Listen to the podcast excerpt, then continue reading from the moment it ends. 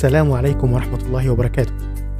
أهلا بكم جميعا مع بودكاست جديد من طور نفسك. اليوم هنتكلم عن موضوع هام وهو الساعات السحرية اليوم.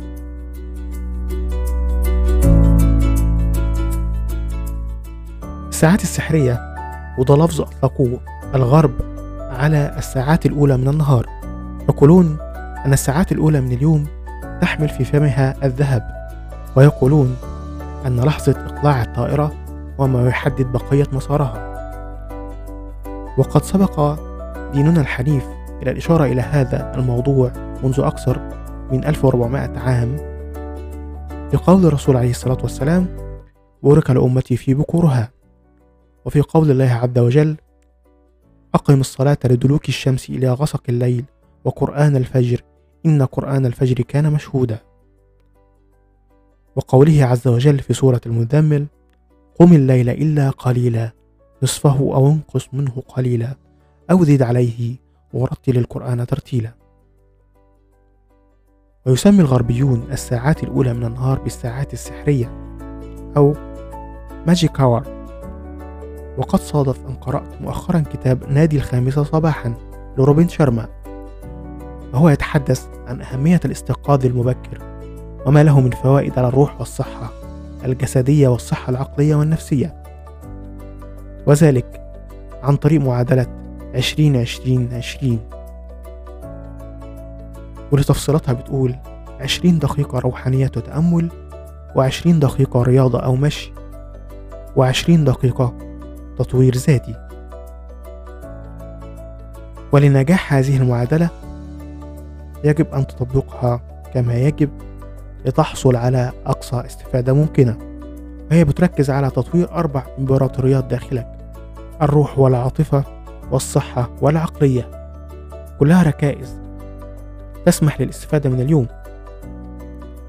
هذا الكتاب صدر منذ أكثر من عشرين عام وبيع منه أكثر من عشرين مليون نسخة.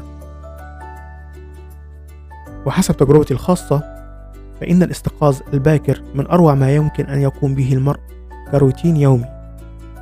هو تحفيز ونشاط وتركيز وسلام داخلي خصوصا بعد صلاة الفجر وما يترتب عليها من خشوع وخضوع لله عز وجل وأذكار صباحية تشحنك بطاقة لا مثيل لها من الشكر والامتنان وتكون لك بمثابة دافع للإبداع والإنتاج والعطاء خصوصا إذا كنت على اتصال بالطبيعة. هذا يحدث في البوادي والأماكن المتصلة بالطبيعة حيث تستيقظ على صوت الطبيعة والحيوانات. هذا الامتزاج والاتصال الذي ليس له مثيل يولد داخلك شحنة إيجابية كبيرة. وقد أثبت العلم الحديث أن إنتاجية الجسم والكون يتوافقان معا.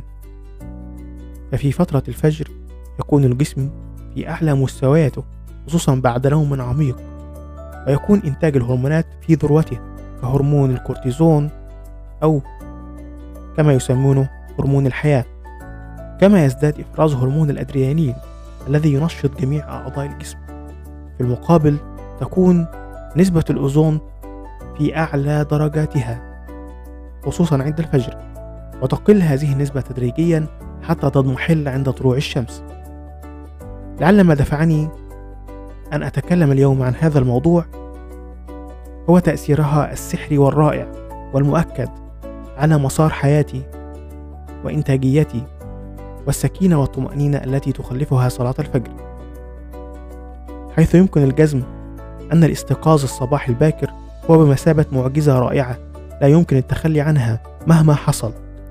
غير أن ظروف الحياة أحيانا تباغتك حتى لو قررت أن تصبح من محبي الصباح فتجد في البداية صعوبة خصوصا إذا كنت تسكن مع أناس لا يتقاسمون معك نفس النظام أو قد تكون طبيعة عملك تفرض عليك العمل ليلا كساعات الدوام الليلية.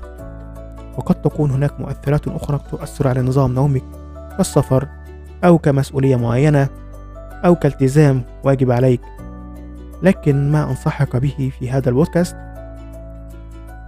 أن تهيئ الظروف المواتية للاستيقاظ مبكر كتناول عشاء خفيف إيقاف الأكل مع السابعة مساء الابتعاد عن الشات ووسائل التواصل الاجتماعي قبل ساعة على الأقل من النوم.